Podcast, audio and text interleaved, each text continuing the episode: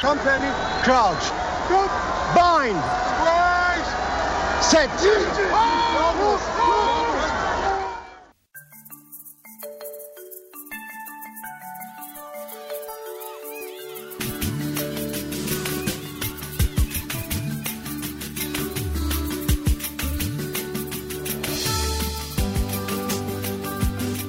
In hierdie episode van ons reeks oor die Rugby Wêreldbeker toernooi, neem ons 'n blik op die tweede toernooi.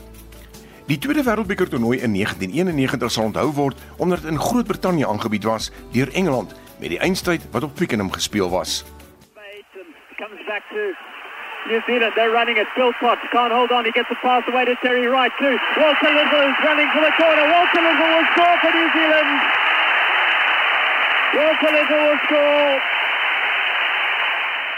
Maar die toernooi is in werklikheid gesamentlik aangebied deur die lande waaruit die vyf nasies bestaan het, naamlik Engeland, Skotland, Wales, Ierland en Frankryk. Die wedstryde was gespeel in al vyf lande met die een halfeind wat toegeken was aan Lansdowne Road in Dublin, Ierland en die ander aan Murrayfield in Edinburgh, Skotland. Daar was 16 mededingers in die eerste toernooi in Europa met die kwartfinaliste van 1987 wat outomaties gekwalifiseer het. 25 ander inskrywings was ontvang wat 'n duidelike aanduiding was van die vinnige globale uitbreiding van die spel na die eerste wêreldbeker toernooi. Die lande moes uitspeel om te kwalifiseer vir die oorblywende 8 plekke. Dieselfde stelsel as in 1987 was gebruik, met die 16 spanne wat in 4 afdelings verdeel was en die top 2 spanne in elke afdeling sou deurdring na die kwartfinale. Nieu-Seeland, Frankryk, Wales, Australië, Skotland, Ierland, Engeland en Fiji was die outomatiese kwalifiseerders as gevolg van hulle prestasies in 1987. Die agt lande wat gekwalifiseer het, was Zimbabwe, Argentinië, Kanada, die VSA, Italië, Japan, Roemenië en Wes-Samoa. Daar was besluit dat die toernooi in Oktober en November gespeel sou word.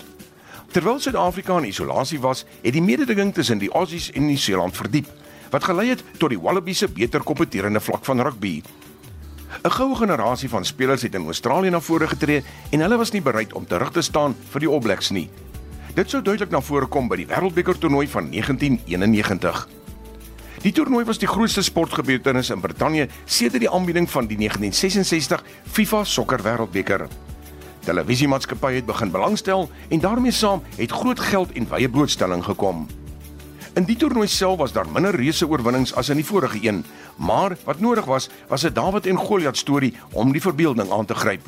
En die storie was geskep deur Wes-Samoa.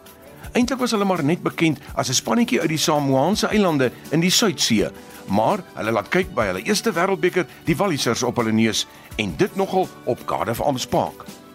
Die Samoane gaan voort en klop vir Argentinië om te kwalifiseer vir die uitklopronde. Hulle enigste nederlaag in die groepfase was teen Australië en hulle verloor net net met 9-3 teen die Wallabies. Dit het beteken dat Australië in die 1/2 teen die All Blacks op Lansdowne Road sou speel en Engeland sou reis na Murrayfield om teen die Skotte te speel. David Campisi behaal 'n verstommende 3 en die Wallabies gee die vorige kampioene die All Blacks pak met 16-6.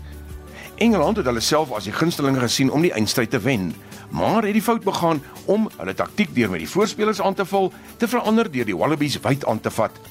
Die Australiërs is huis toe as die kampioenspan en met oop arms in Sydney verwelkom as die wêreldkampioene vir die volgende 4 jaar. 'n Groot nuwe krag het na vore gekom en homself gevestig as een van die voorste rugby spelende lande in die wêreld maar min kon voorspel hoe ongelooflik die volgende hoofstuk in die verhaal van die Webb Ellis Trofee sou wees. In ons volgende program kyk ons na die Wêreldbeker in Suid-Afrika in 1995. Tot vandag toe deur die voormalige oplekkaptein Sean Fitzpatrick beskryf as die grootste van hulle almal.